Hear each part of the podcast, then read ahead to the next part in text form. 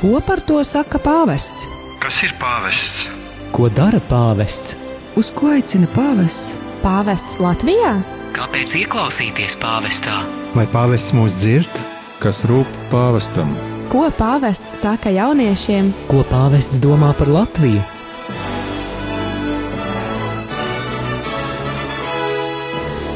Gaidot pāvesta vizīti Latvijā, atbildes uz šiem un daudziem citiem jautājumiem meklēsim raidījumā Pētera pēdās.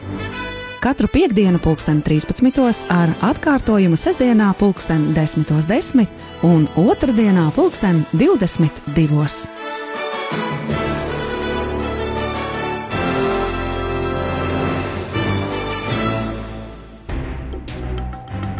Lai ir slavēts Jēzus Kristus. Mūžīgi mūžos slavēts. Pulkstenis ir viens šajā saulainajā jūlijā piekdienā, un kā šajā vasarā jau pavisam ierasts, pāvesta Franciska vizītes Latvijā gaidās. Radio Marija Latvija ēterā sākam raidījumu Pētera pēdās. Bet raidījuma ievadā arī īpašs sveiciens tiem, kuri šo raidījumu klausās atkārtojumā sestdienas rītā 10.10 10 un otrdienas vēlā vakarā pulksteni 10. Pavisam īsi atgādināsim, ka šis ir īpašu raidījumu cikls, kurā no vairākām šķautnēm raugāmies uz pāvestiem, konkrēti arī uz pāvestu Francisku kā personību, kā arī viena no šī raidījuma šķautnēm ir arī pāvestības vēsture. Šodien ar jums kopā esam mēs, esmu es Judīte un es Māris. Atminoties iepriekšējo raidījumu par vēsturi, mēs uzdevām jautājumu, kas ir pāvests un vai pāvests ir autoritāte. Raudzījāmies uz pāvestības pirmsākumiem, pāvestības iedibināšanu. Šodien pa šo vēstures taku mēs dosimies tālāk un raudzīsimies, kas tad ar pāvestību ir noticis gadu laikā kādus vaipstus, rētas brūces un arī, protams, skaistas līnijas pāvestības sejā ir ievilkuši aizritējušie teju 2000 gadi, proti kā tā ir mainījusies, kāda pāvestība bija tās pašos iesākumos, ko tā ir piedzīvojusi gadu simteņu gaitā un ko atnesušas šīs divas tūkstošgades. Taču pirms visam šim ķerties klāt, mēs iesim mazā muzikālā atelpas pauzē.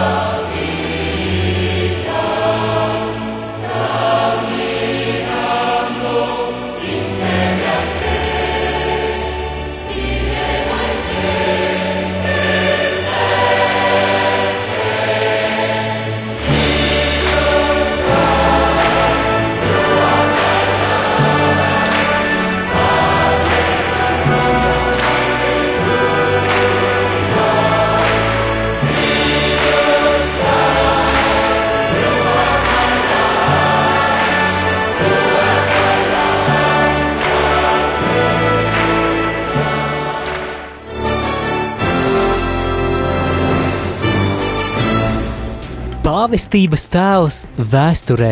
Uz sarunu par šo tik ļoti plašo pāvestības šķautni mums pastāstīt esam aicinājuši jau iepriekšējā vēsturiskā raidījuma viesi, kurš, ja atceraties, bija neviens cits kā Latvijas Universitātes Teoloģijas fakultātes baznīcu un reliģijas vēstures katedras docents. Laterāna Pontificālās Universitātes filiāles Rīgas augstākā reliģijas zinātņu institūta viesdocentu kristīgās mākslas un baznīcas vēstures un patroloģijas disciplīnā priesteri Andri Priedi. Ko mums pastāstīs priesteris, mēs dzirdēsim pēc mirkļa, bet pirms tam Pirms tam mēs padalīsimies ar viedokļiem, kurus sastapām uz ielas, aptaujājot ļaudis pilsētā, kādā jo siltā vasaras pievakarē, un mēs cilvēkiem ielās uzdevām pavisam īsu jautājumu, lai dzirdētu, kas mūsu sastapto līdz cilvēku prātos atspoguļojas, dzirdot vārdu salikumu Romas pāvests. Kāda ir tā pirmā asociācija? Jā, klausāmies! Ko saka cilvēki ielās? Atvainojiet, uh, esam ar kolēģi no radio un uh, jautājam cilvēkiem uh, kādu īsu, pavisam vienkāršu jautājumu. Kas jums pirmais nāk prātā? Pat pirmā uh, lieta, kas ienāk prātā, kad jūs dzirdat vārdu savienojumu Romas pāvests. Nu, katrā ziņā tā vajadzētu būt mīlestībai un līdzcietībai. Diemžēl nezinu, kad vārdu. Nezināt vārdu Romas pāvests. Pirmo reizi dzirdat vārdu salikumu Ro- Romas pāvests. Piedodiet, es esmu krievs un nezinu tādu vārdu. Ah, labi. Uh, krieviski tas būs uh, Svietoja pāpa ili. Uh, da. Jā, tad eh, labi, tad nav nekādu sliktu domu. Bet pirmais vārds, kas ienāk prātā, uzreiz pirmā asociācija. Reliģija. Reliģija, ticība. Jā, Jā, ticība. Labi, paldies. Jauku vakaru, vislabāk. Tas kā Jebkas, kas pirmais uzreiz ienāk prātā. tas kaut kāds ar baznīcu saistīts. Jā, Jā, nu, tad, baznīca. Nu, baznīca. Baznīca pirmā, pirmā asociācija. Jā. Brīnišķīgi. Paldies jums, lai jums jauks vakars, lai drīz atnāk draudzene. Vislabāk. Romas pavasaris! Jā. Aleluja! O, brīnišķīgi! Aleluja! Lai jauks vakars!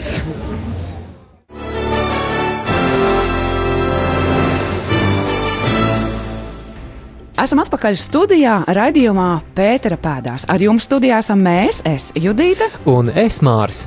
Šodien raidījumā mēs raugāmies uz pāvestību cauri gadsimtiem. Esam dzirdējuši to realitāti, kas ir dzirdama ielās, sastapto cilvēku prātos. Jā, un pirmais iespējas varbūt nav gluži tāds, kuru mēs gribētu dzirdēt. Mums būtu paticis dzirdēt tādu tuvāku un dziļāku izpratni, kādu asociāciju, kādu citu nekā lielu baltu cepuri.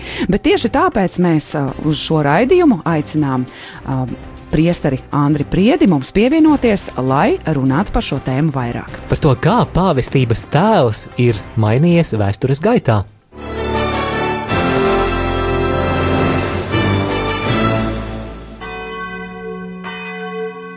Your Holiness, your sins. I don't have any sins to confess.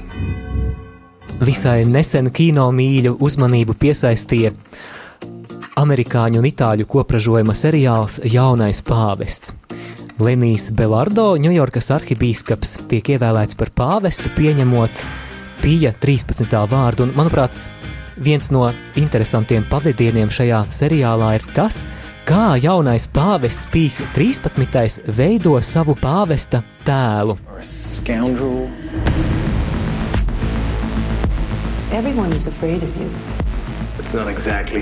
Pretstatā viņa liberālākajam priekšgājējam pāvests Pīs 13. pārstāv ļoti konservatīvu pāvestības tēlu, atgriežas piemēram pie senākām un jau ilgāku laiku nelietotām pāvesta regālijām, piemēram, tiāras, jeb kroņa nesāšanas. Uz tikšanos ar kardināliem viņš tiek nests uz tā saucamā sedija gestatorija ceremoniālā troņa, kas tiek nests līdzīgi nestuvēm. Un um, tātad šīs pārmaiņas pāvestības tēlā, kas vēstures gaitā nav bijušas tikai atsevišķu personību izraisītas, bet droši vien arī dažādi vēstures laikmeti un citi faktori šo pāvestības seju tēlu ir mainījuši, un tāpēc mēs uz sarunu esam aicinājuši baznīcas vēstures doktoru priesteri Andri Priedi. Eksperta viedoklis. Vai jūsuprāt, ir pamatoti apgalvot, ka pāvestība savu tēlu laika griežos ir mainījusi? Ja mēs, piemēram, salīdzinām apakstuli Pēteri un pāvestu Francisku, tad droši vien kaut kādas pārmaiņas ir bijušas. Ļoti labs jautājums. Jo mēs jau esam gandrīz šajā īsajā dialogā definējuši, ka tēls ir kaut kas eh, ļoti otršķirīgs. Tas ir publiskais tēls. Un tas ir tikai tādā virspusējā skatījumā, ka mums liekas, ka tam tēlam, tam publiskajam tēlam, nu, ir tā izšķirošā nozīme. Tātad tas, tas būtu jānošķir no pāvestības būtības. Tur tā lieta. Pāvestības būtību pilnībā realizēja tas pats apustulis Pēteris, tad, kad viņš tur mm, novilcis virssvārku, peld e, Galilejas jūrā, un kad jēzus viņam māja roku, un viņš tā izpeld krastā, nu, piedošanu. Mēs varam tagad iedomāties e, pāvestu Francisku Romas Līdo pludmalē ar skaisto metrostacijas nosaukumu Stella Māris, bet atvaino pāvests Francisks tur izpeld pludmalē, taisa selfijus ar uh, vietējiem zvejniekiem. Nu, tas ir publiskais tēls, kādu mēs iedomājamies. Zvejnieks vai gluži otrādi uz sēdīgi iztetatorija ar tiāru galvā, bet tas nekādā veidā nemaina viņa būtību. Un Pēteris Arī tad, kad viņš peldēja Galilejas jūrā uz zvejnieku laiviņas un vāca zīvis savai iztikai, arī tad viņš pildīja šo pāvestības būtību, būt par ganu, būt par ticības garantu un savu brāļu stiprinātāju, to, ko Jēzus viņam uzticēja. Viss pārējais ir mainīgs, un viņam ir jāmainās atbilstoši tā laika pastorālajām prioritātēm. Tad, kad tas pats Pēteris nonāca Romā, tad varbūt viņš nemetās akurāti Tibras upē iekšā, lai savāktu uh, sevi un Romas pirmdraudzē, pie kuras piederēja arī kāds no imperiālā galma jā, teiksim, apustuļa, no apustuliskā tēva, Svētā Ignācija no Antiohijas vēstulēs ir minēts, ka tur no, no Cēzara galva vai kaut kas tam līdzīgs, ka, kas var iestāties un aizbildināt par, par mūsu likteni. Nu, Cēzara galva piedarīgie varbūt šādu apustuļu Pētera tēlu nebūtu lāgā pieņēmuši. Bet galvenais jūras krastos tas bija pilnīgi pieņemami, ka pāvests peld un zvejo un nodrošina pats sev dienascho maizi. Nos ofrece algo más grande que la Copa del Mundo. Algo más grande que la Copa del Mundo. Šī pāvestība, kura sākās uh, jau ar uh, Svēto Pēteru, kas, kā mēs arī iepriekšējā raidījumā par pāvestības pirmsākumiem runājām, pētot šo pāvestu uh, vēsturi, es skatījos cauri sarakstu visiem pāvestiem, un tad uh, es paskaitīju no pirmiem 13 pāvestiem, septiņi ir mocekļi. Jā, un jā. pats sākums ir bijis ļoti, ļoti, ļoti, ļoti liela jā. grūtuma apvīts, un savukārt, protams, līdz šodienai tas ir atskanējis jau tā kā savādāk, bet, nu jā, cauri laikam ejot, tas ir sācies arī ar moceklību. Arī mēs uh, redzam vairākus svētos starp pirmajiem pāvestiem, arī liturģijā mēs dzirdam par Linu Klets, Klemens. Vai kaut kā šī laikmeta konteksts to ietekmēja, vai kā varētu skaidrot šo ne, iezīmi? Ne tikai par pirmajiem 10, 12, mums ir jārunā, ka faktiski absolūtais vairākums ar retiem izņēmumiem no pirmajiem trim gadsimtiem, tas ir Romas impērijas vajāšanu gadsimtos, trīs gadsimti līdz uh, galērija un nākošajā gadā Konstantīna tolerants ediktiem 312. un 313. gads. Mēs uh, nevaram runāt par kaut kādu normālu funkcionēšanu, jo kristietība nemitīgi atradās uh, šajā te uzmanības centrā, nu, kad tad mēs atkal sāksim kārtējās vajāšanas. Un šajos trijos gadsimtos absolūtais vairākums no pāvestiem ir gan mocekļi, gan vismaz svētie. Līdz pat tātad 4. gadsimta vidum, kad mums parādās pāvests Liberijs, nu, kuram ir, kurš bija spiests kapitulēt ariāniski noskaņotā Konstantīna lielā dēla Konstancija priekšā, nu, tad, tad tas ir viens no pirmajiem pāvestiem, kurš vairs nav ne svētais, ne moceklis, bet vienalga viņš pilda uh, savu apstuļu Pītera kalpojumu. Tikai no viņa vizuālais tēls mūsu acīs vairs nav ar tādu statusu, kā tas ir svētajiem pāvestiem pirmajos trijos gadsimtos. Un līdzīgas paralēles mums pēdējos gadsimtos atkal ir fantastiskas personības, paskatīt paskatāmies kopš Napoleona kariem, kopš Frančijas revolūcijas, kad ir mums bijuši pēdējie, tā teikt, eh, renesanses, jeb apgaismības laikmeta eh, pāvesti karaļi, tad mums 19. un 20. gadsimta pāvesti ir spožas personības, no kurām liela daļa ir vismaz beatificētas, kas pasludināti par svētīgiem, ja ne jau kanonizēti. Kā piemēram, tur, eh, mūsu laika biedrs Jānis Pāvils II, ko mēs tik labi atceramies no 93. gada vizītes mūsu dzimtenē. Gads simta kopēji izbaudītas katakombu pieredzes, jūs vēlaties arī turpmāk lūgties kopīgi. Ekumenisms ir žēlastība kas tiek lūgta no kunga, kuram mēs visi kopā dāvājam savu gatavību, šķīstīt savas rokas, skatienus un it īpaši savas sirdis.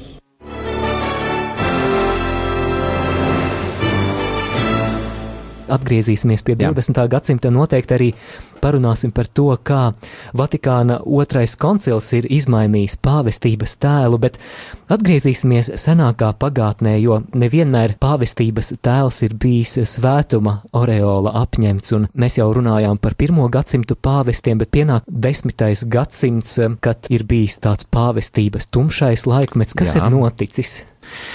Nu, kas notiek tā tad eh, pēc tam, kad Romas impērija sabrukusi, kad ir pārdzīvota pirmā tautu staigāšanas viļņa, eh, tā teikt, regresa procesa elementi, nu tad mums ir eh, Karolīngu renesanss.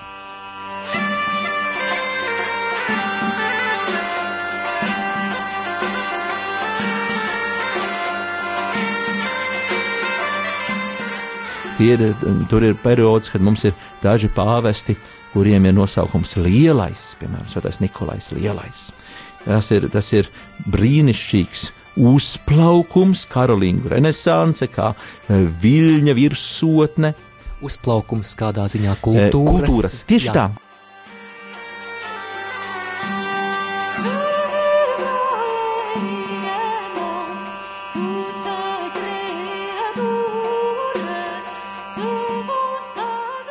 Skatāmies vajāšanu gadsimti, tas ir mēs esam viļņa dibenā, Tad mēs ar Konstantīnu esam viļņa virsotnē, un pēc Inēras turpinās arī pirmajos vajāšanu gadsimtos. Tur, teiksim, ar Leonu Lielo, eh, tautas staigāšanas gadsimtos ar Leons Lielais un uh, Gregors Lielais, piemēram, tas, kas 590. 604. gads, tas, kas sūta misionārus uz Angliju, kas tiek uzskatīts par savā veidā par Anglijas apgaismotāju pie anglosakšu siltīm, eh, bet tas ir vēl zināmā mērā uz tās inerces, tās, tās Romi, Romas valsts struktūras ir sabrukušas. Un tad mums ir tāds mazliet tas vilnis ir iet uz leju, līdz sākās, sākās atkal jauns šis viļņa, eh, viļņa mēs atkal nonākam viļņa virsotnē ar, ar šo tā saucamo karolīnu renesansi. Un atgādināsim klausītājiem, par kuru gadsimtu eh, šobrīd Jā, runājam. Tā tad eh, septītais gadsimts ir merovīgu laikmets, mums ir, nu, Eiropā grūtāks laiks, jo vienojošais elements, kas nostājās Romas impērijas vietā, starp dažādajām tām ba bijušajām barbaru, jau tagad kristianizētajām, nu, tomēr diezgan vēl barbariskajām valstiņām. Eh, Franku valsts dažādās va dalienas cīnās savā starpā. Eh, tas ir mm, uz leju, septītais, un atkal skatīsimies atkal uz augšu. Tas ir astotais un devītais gadsimts. Merovingu dinastijas vietā nostājās Karolīni, un spilgtākā personība ir Kārlis Lielais, un kā ir lielā tā tad simbioze, sadarbība ar pāvestību, turklāt vēl piešķirot pāvestiem šo politisko suverenitāti, izveidojot tātad tūkstošu gadus pastāvošo e, pāvestu valsti, kāda faktiski faktiski tiek iznīcināta 1870. gadā un formāli atgūst ar 1929. gadu atkal savu neatkarību. Ne? Tātad ar karolīgiem tas ir 8. un 9. gadsimta mija, tas, tas ir Eiropas, kā, ne, ne par velti vēsturnieki to sauc par renesansi.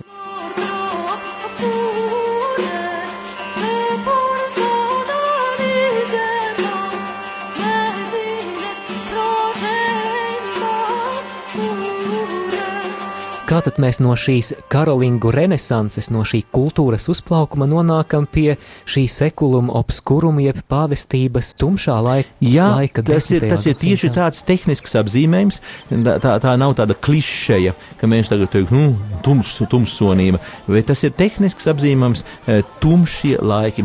Kā mēs pie tā nonākam? E, atkal pateicoties e, nelaimīgajai ģermāņu mantošanas kārtībai, ka karolingu mantinieki uzsāk cīņas savā starpā. kā ir lielā mazbērna. Sāk karot savā starpā, un tas atraisa rokas kristīgās Eiropas ienaidniekiem. Mums ir trīs ienaidnieki, kādi ar 9. gadsimta vidu aplēns mūsu Eiropu, atsākās no dienvidiem pirmais saraceņu uzbrukumi, Visa vidusjūras baseina piekraste tiek postīta, eh, pakāpeniski neapdzīvotas kļūst lielākā daļa eh, vidusjūras salu.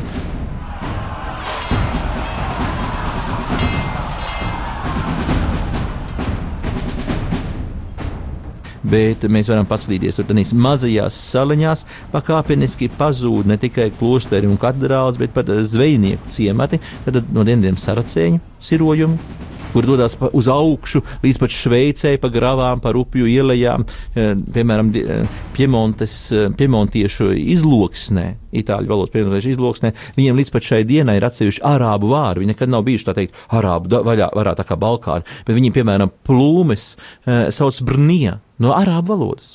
Tātad, cik, cik spēcīga ir šī, šī sirotā ietekme, kad pat atstājuši plūmju koku nosaukumu arābiski. Tad no ziemeļiem mums ir normāņi. Bet normāņus izdosies vienu gadsimtu laikā, tā teikt, kristianizēt un piejaucēt, un tie kļūst par vienu no spēcīgākajiem pāvestības sabiedrotajiem eh, Dienvidu Itālijā, atbrīvojot no eh, musulmaņu arābiem eh, Sicīliju. Un no austrumiem tie ir ungāri. Un veselu gadsimtu, tāpat kā normāņi, arī ungāri ir sirotāji, kas periodiski, atbilstoši gad, um, gada laikam, tā, tā, tā tad dodas sirot, laupīt, dedzināt, līdz kamēr arī šie ungāri kļūst par kristīgu lielvalsti. Nu, un šajos politiskajos apstākļos, ka nav centrālās varas, kas spēj aizstāvēt, nu, tad ir tas centrālais lozungs kāds - glābjas, kas var. Respektīvi, eh, vietējais feudālīts eh, kaut vai arī pašā īrijā, kur bija fantastiskā ķeltu kultūra, eh, svētā Patrika mantojums. Nu, tad feudālīši savā starpā sacenšas, kurš bū, uzbūvēs krāšņāku klosteru, jo uh, īrijas kristietība lielā mērā ir saistīta tieši ar, ar klosteru sistēmu.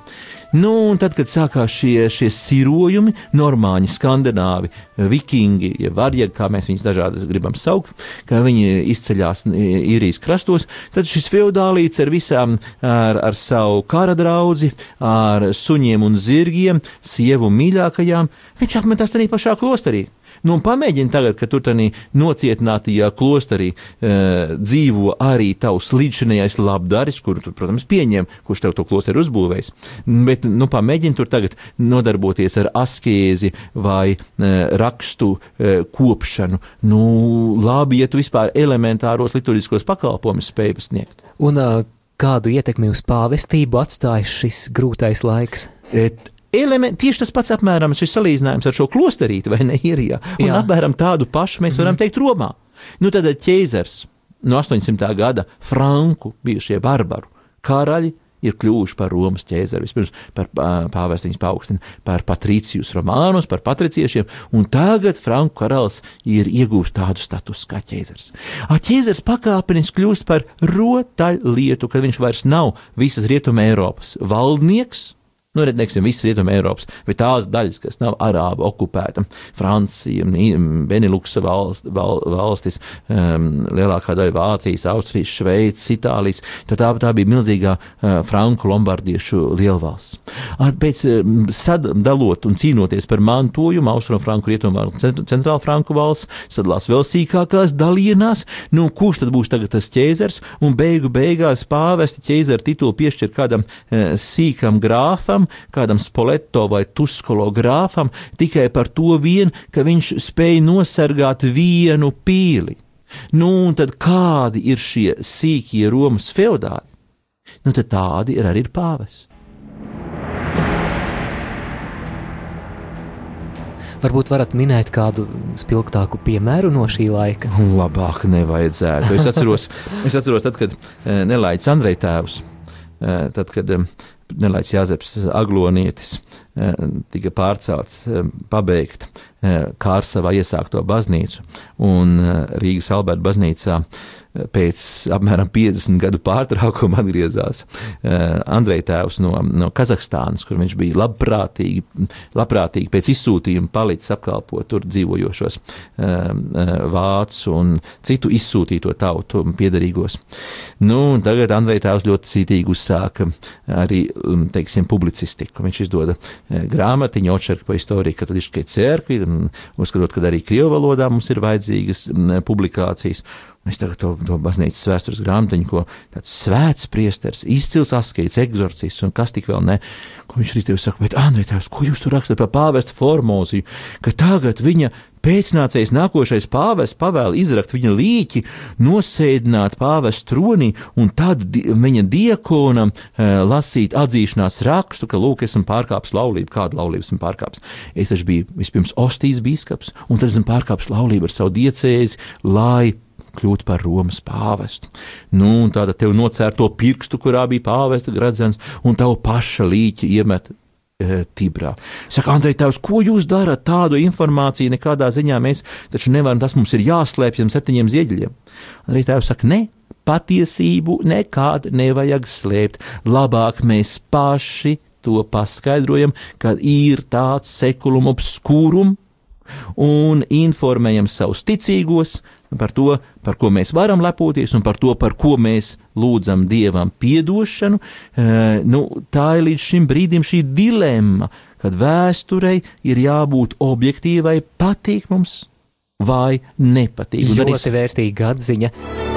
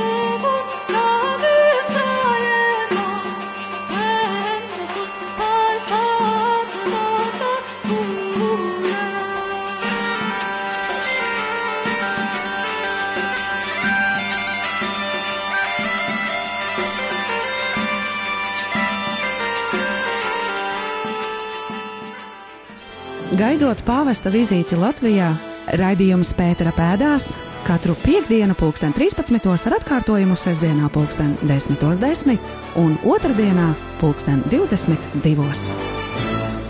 Parunāsim mazliet arī par pāvesta tēla šiem politiskajiem vaipstiem. Es jau jūsu runātajā dzirdēju gan par pāvesta valsti, arī par to, ka pāvesta šīs privilēģijas piešķirt ķeizara titulu, un mm -hmm, vai, vai jā. to var arī uzskatīt par pāvesta tēla iezīmi kādā noteiktā vēstures laika posmā? Šo politisko varu. Noteiktā laika posmā, respektīvi 500 gadus. 500 gadus, jo tā tad kopš 800. gada Ziemassvētkiem, kad Leons III Ziemassvētkos pie Pētera kapa ceļos nometušos karali Kārli. Dažkārt kaut kādās gleznās attēlo, ka Kārlis tur svētlaimīgi acis aizvēris, tā, lūdzās, un pāvis gan izveitās zakušas viņam no muguras piezogās un blāds bladāts uz galvas ķēzara kroni. Vai ne, kad, kad Kārlis lielais nemaz nav zinājis, kas tūlīt notiks. Bet tā vai citādāk, no 800. gada tātad pāvesta personīgi veikts kronēšanas process, Franku un kopš Kārļa mazbērnu laikiem jau ir konkretizējušās austrumu, rietumu un vidus centrāla franku valsts, kas būtu austrumu vācu karalis, rietumu franču karalis un vidus Itālijas karaļu valsts, kad attiecīgi šo karaļu kan, šie karaļi ir kandidāti, no kuram tad pāvis uzliks to, to kroni galvā, kurš pirmais pagūs uz Romu, gan arī vai sagūstīt un fiziski pāvestu piespiest. Šis process turpināsies līdz 14. gadsimta vidum, kad Aviņonas trimdā pāvis Jānis 22 pārsniedz savas pilnvaras. Aviņons trims laikā, tas ir 1305. 1376. gads, pāvests zināmā mērā kļūst politiski par Francijas karaļa marioneti. Un tad Jānis 22. viņš ir izdomājis, ka ne Itālijas vicekaraļa titulu mēs piešķirsim Francijas karaļa brālim Anžu grāfam. Un Vācijas karalis Ludvigs Vitelsbachs. Politiski ļoti spēcīga persona, jo viņš ir jau Bavārijas mantinieks un valdnieks, pirms nekā viņš ir ievēlēts. Viņš tā atsakās atsaukt savu karaspēku un savu, savu nozīmēto vietvaldu no Itālijas, un Jānis 22. izmanto nevis administratīvus, bet reliģiskus instrumentus, lai piespiestu karali paklausīt politiskas dabas jautājumos. Respektīvi, viņš ekskomunicē, izslēdz no baznīcas karali un visai Vācijai uzliek interdiktu. Tas ir aizliegums svinēt dievu, publiskus dievkalpojumus. Tad līdz ar to vācu firsti, kurfirsti pieņem lēmumu, ka turpmāk mums nebūs vajadzīgs šis pāvesta mandāts, lai mūsu vācu karalis automātiski būtu arī Svētās Romas vācu nācijas impērijas ķēzars. Tieši iemesla dēļ, ka runa bija nevis par kādām kanoniskām tiesībām, bet par to, ka, nu, lūk, lai, ka pāvestam ir jāizdabā Francijas karalim, un līdz ar to politiska iemesla dēļ šī, teiksim, pāvestu viduslaiku zelta laikmeta um, aureola ir definitīvi sagrauta ar šo, ar šo Jāņa 22.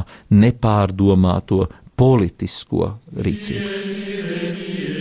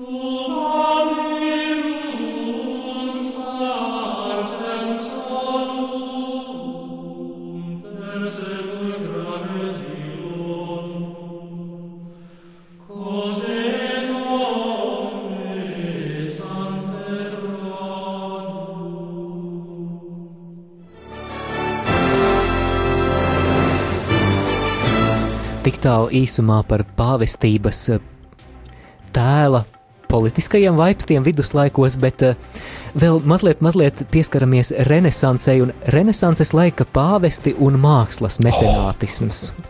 Varbūt īsumā. Uh, tu nevari īsumā. Nevar īsumā, un tomēr. Labi. Nu, lūk, viena no skaistākajām tēzēm, ko Romā studējot Pontificālajā Gregora universitātē par vēsturi esmu iemācījies, ir iezītēva Giacomo Martīnas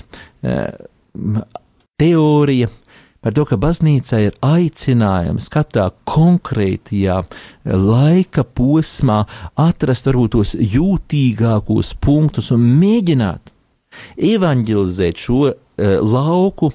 T, uh, līdzīgi kā arī Jēzus inkarnējoties, iemiesojoties, kļūstot par vienu no spēlētājiem. Jā, teiksim, tumšajos laikos, veiksmīgi vai neveiksmīgi, Baznīca kļuva par vienu no spēlētājiem, tāpēc mums ir, piemēram, eh, līdz pat Napoleona kariem Vācijā tās baznīcas valstiņas, ne tikai Vācijā, piemēram, mūsu Livonija, tās ir baznīcas valstiņas. Kāpēc? Tāpēc, lai kļūstot par vienu no feudāliem, mēs varētu runāt tādu valodu, ko saprot visi pārējie.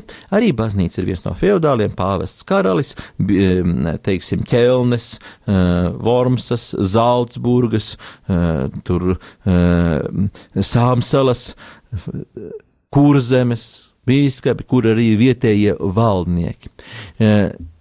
Pēc tam jau tas vairs nav aktuāli.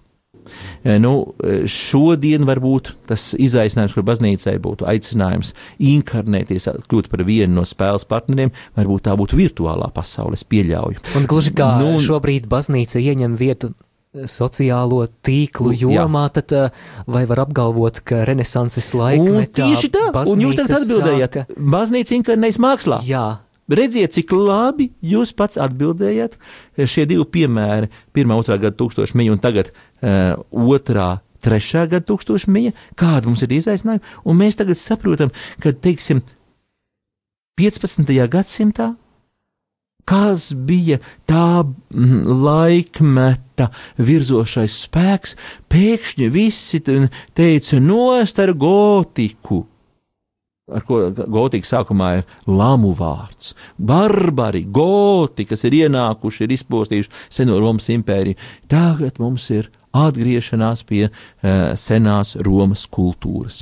Un pāvesti tieši tā uh, apzināti vai neapzināti, bet jāatzīst visu cieņu eh, tā laika tālredzībai, viņi saskata nepieciešamību eh, tātad kļūt par šīs mākslas virzītājs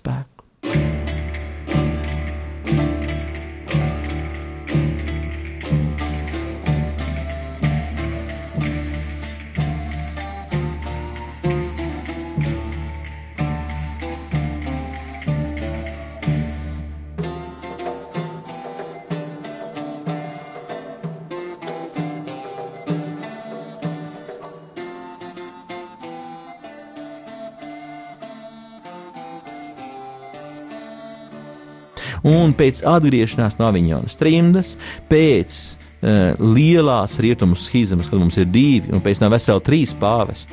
Un nabaga ticīgie nevar saprast, par kur tad no viņiem būtu īsti jālūdzās. Un ka, tad, kad ir pārvarētas šīs lielākās krīzes, 14. gadsimtā, tad 15. gadsimts mums ir renesanse gan Eiropas kultūrā, Vispirms jau teiksim, tur uh, dienvidu rietumu Eiropas kultūrā, kamēr viņi nu, atnāk teiksim, līdz, mums, līdz, mums, līdz mums, līdz Baltijas uh, kultūras telpai. Bet uh, tā tad renesanses laikmets, renesanses pāvests.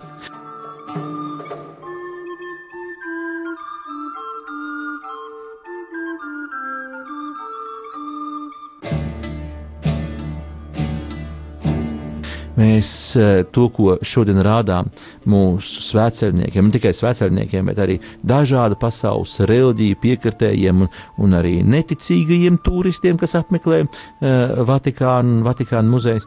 Tas pirmām kārtām, ko viņi grib redzēt, tas ir renesanses mantojums, Stancela Rafaelo, Siksta kapela. Tas ir jūlija otrā.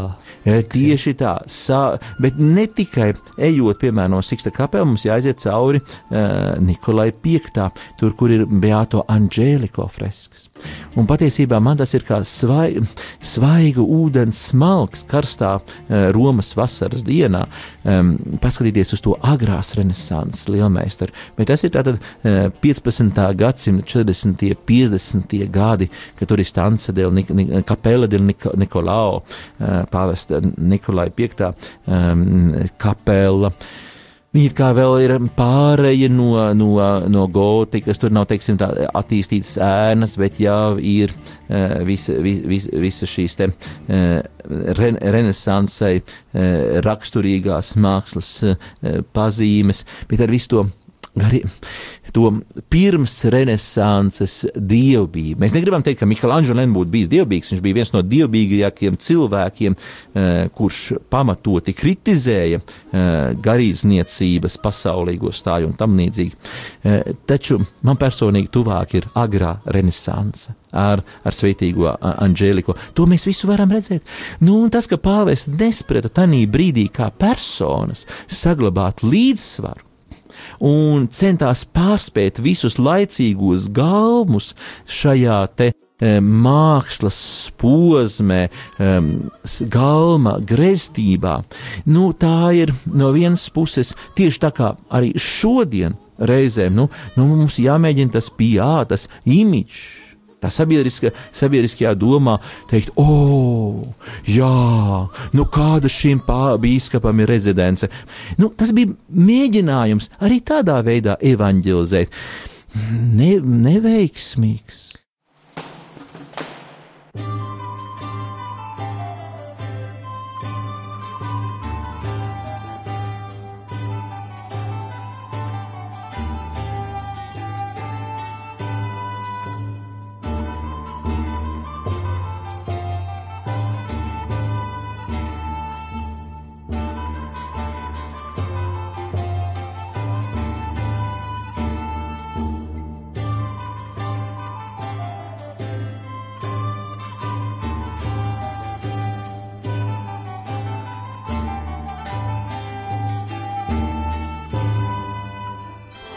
Gaidot pāvesta vizīti Latvijā, raidījums Pētera pēdās katru piekdienu, pulksten 13. ar atkārtojumu sestdienā, pulksten 10.10 10, un otrdienā, pulksten 22. As your pilgrim people, we are gathered here today from every continent and city. Longing to be true servants proclaiming your word to every nation. Teach us to say yes as Mary did that day. That your will be done here as in heaven.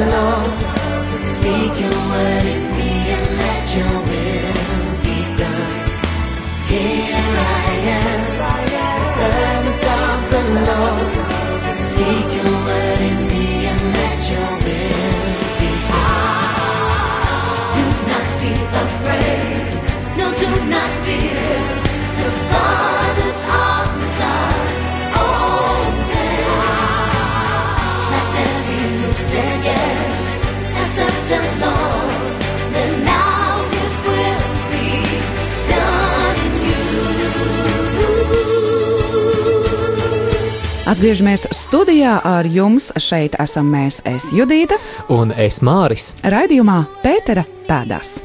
Pirms mūzikas pauzes mēs dzirdējām priestera Andra Priedes interesanto stāstījumu par tiem vaipstiem, kādus piedzīvojusi pāvestība. Gan pirmajos gadsimtos mēs dzirdējām par pirmajiem pāvestiem, arī pāvestības tā saucamajā tumšajā laikmetā, tas bija desmitais gadsimts pēc Kristus, arī viduslaikos, renesansē, Laiks eh, nepielūdzami steidz, un šai tik tiešām interesantajai tēmai esam varējuši tikai pavisam, pavisam viegli pieskarties. Taču, lai nepaliktu vairāk jautājumu kā atbilžu, mēs varam pačukstēt, kā arī nākamajā raidījumā turpināsim šo tēmu, proti sarunu par to, kas tad ar pāvestību ir noticis daudzu gadu gaitā, kādus vaipstus, rētas, brūces un arī skaistās līnijas pāvestības sejā ir ievilkuši aizritējušie nu jau teju 2000 gadi. Proti, kā pāvestība ir mainījusies, kāda tā bija pašos iesākumos, ko tā piedzīvojusi gadu simteņu gaitā un ko atnesušas šīs divas tūkstošgadas. Bet raidījuma noslēgumā vēl vēlamies pievērsties kādai praktiskai informācijai par pieteikšanos un par citām aktualitātēm par to pēc īsa brīža. Ko par to saka pāvests? Kas ir pāvests? Ko dara pāvests? Uz ko aicina pāvests? Pāvests Latvijā? Kāpēc ieklausīties pāvestā? Vai pāvests mūs dzird? Kas rūp pāvestam? Ko pāvests saka jauniešiem? Ko pāvests domā par Latviju?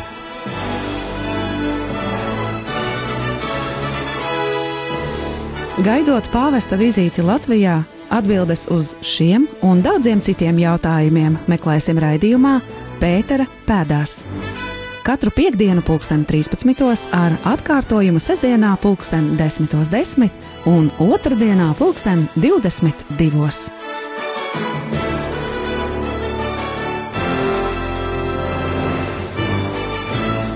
Lai visu jo labi saplānotu, No 8. jūlija līdz 19. augustam norisināsies reģistrācija Svētajai misai Aglonā.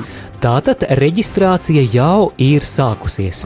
Jā, nenokavējam un pieregistrējamies, jo drīzāk, jo labāk, lai visu vislabākajā kārtībā varētu saplānot.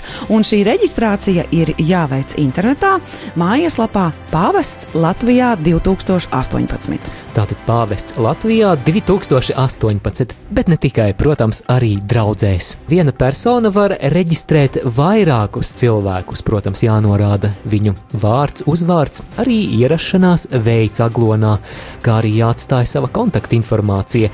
Un tiem, kas reģistrēsies internetā, ir arī jānorāda tā draudzene, kurā jūs vēlaties saņemt šīs ieejas kartes. Un ieejas kartes varēs saņemt no 9. septembra tieši tajā draudzē, kurā jūs būsiet norādījuši kā saņemšanas punktu tieši jums paredzēto ieejas karti. Un, ja ir kādi papildu jautājumi, tad plašāku informāciju saistībā ar reģistrēšanos var iegūt jau minētajā mājaslapā www.pāvests Latvijā 2018. Un, protams, jautājiet arī savu draugu prāvestiem.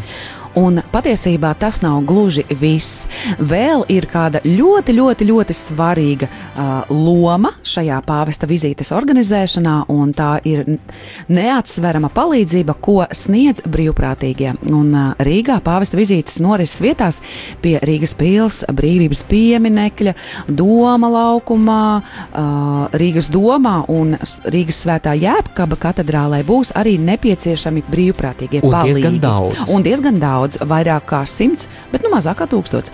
Proti, 160 brīvprātīgie. Viņu pienākumos ietilps dažādas lietas, proti, palīdzēt pāraudzīt sabiedrisko kārtību, palīdzēt cilvēkiem orientēties šajā notikumā, vietās, kur tie notiks, lai katrs ik viens, kurš ir atnācis vai varbūt pat vienkārši garām iet, uzzinātu, kas un kur tad īsti notiks.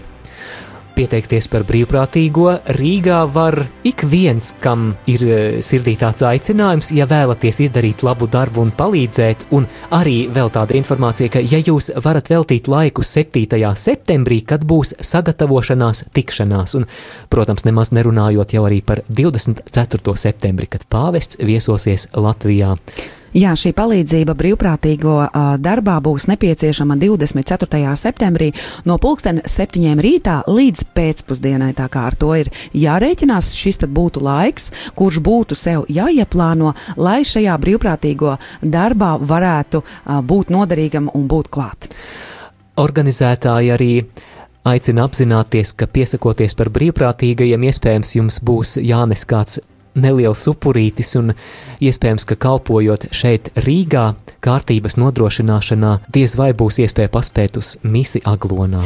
Jā, taču uh, labs ir darbs, kuru mēs darām ar sirdi, un arī tas darbs, kas tiks šeit Rīgā ieguldīts, tas noteikti nebūs mazāk vērtīgs par to uh, braucienu uz aglonu uh, tiem cilvēkiem, kuri to varēs izdarīt. Pieteikšanās par brīvprātīgajiem norisinās līdz 22. jūlijam, tātad ļoti īss laiks ir palicis, un cik man zināms, tad šie 160 brīvprātīgie vēl nav savākti. Brīnišķīgi tas nozīmē, ka vēl ir kur augt un tiekties. Bet darām to ātri, jo 22. jūlijas ir termiņš, un kā var pieteikties? Brīvprātīgie, kas vēlas palīdzēt pāvesta vizītes laikā Rīgā, ir aicināti pieteikties pie Rīgas katoļu draugu prāvestiem. Tātad pēc mises ķeram ciet priesteri un sakām, ka mēs gribam palīdzēt. Savukārt tie, kas vēlas būt brīvprātīgie Rīgā, bet dzīvo citās pilsētās un apdzīvotās vietās, tad droši var rakstīt uz e-pastu Rīga. Brīvprātīgais at gmail.com. Atkārtoju, Rīga. brīvprātīgais at gmail.com. Un tagad varat arī piefiksēt to telefona numuru, pa kuru zvanot jūs varat saņemt papildus informāciju par brīvprātīgo darbu. Ir jāzvana brīvprātīgo koordinatoram Elvijam Krēvicam uz numuru 20 17 98 40. Atkārtoju numuru 20 17 98 40. Vēršam arī uzmanību uz to, ka tieši 22. jūlijā visā Latvijā, visās draudzēs, ziedojumi kolektēs, misēs tiks vākti Pāvesta Franciska vizītes finansiālajiem atbalstam. Jau iepriekš pateicamies par jūsu atbalstu, par jūsu atvērtajām sirdīm, par jūsu dāsnumu. Bet, kā tas ir ierasts raidījumā Pētera pēdās, noslēgumā mēs vienojamies lūkšanā par pāvestu un par gaidāmo pāvesta vizīti. Bet šajā brīdī mēs no jums atvadāmies, kopā ar jums bijām mēs Māris Veliks un arī es Judīte Ozoliņa. Laiks lūkšanai!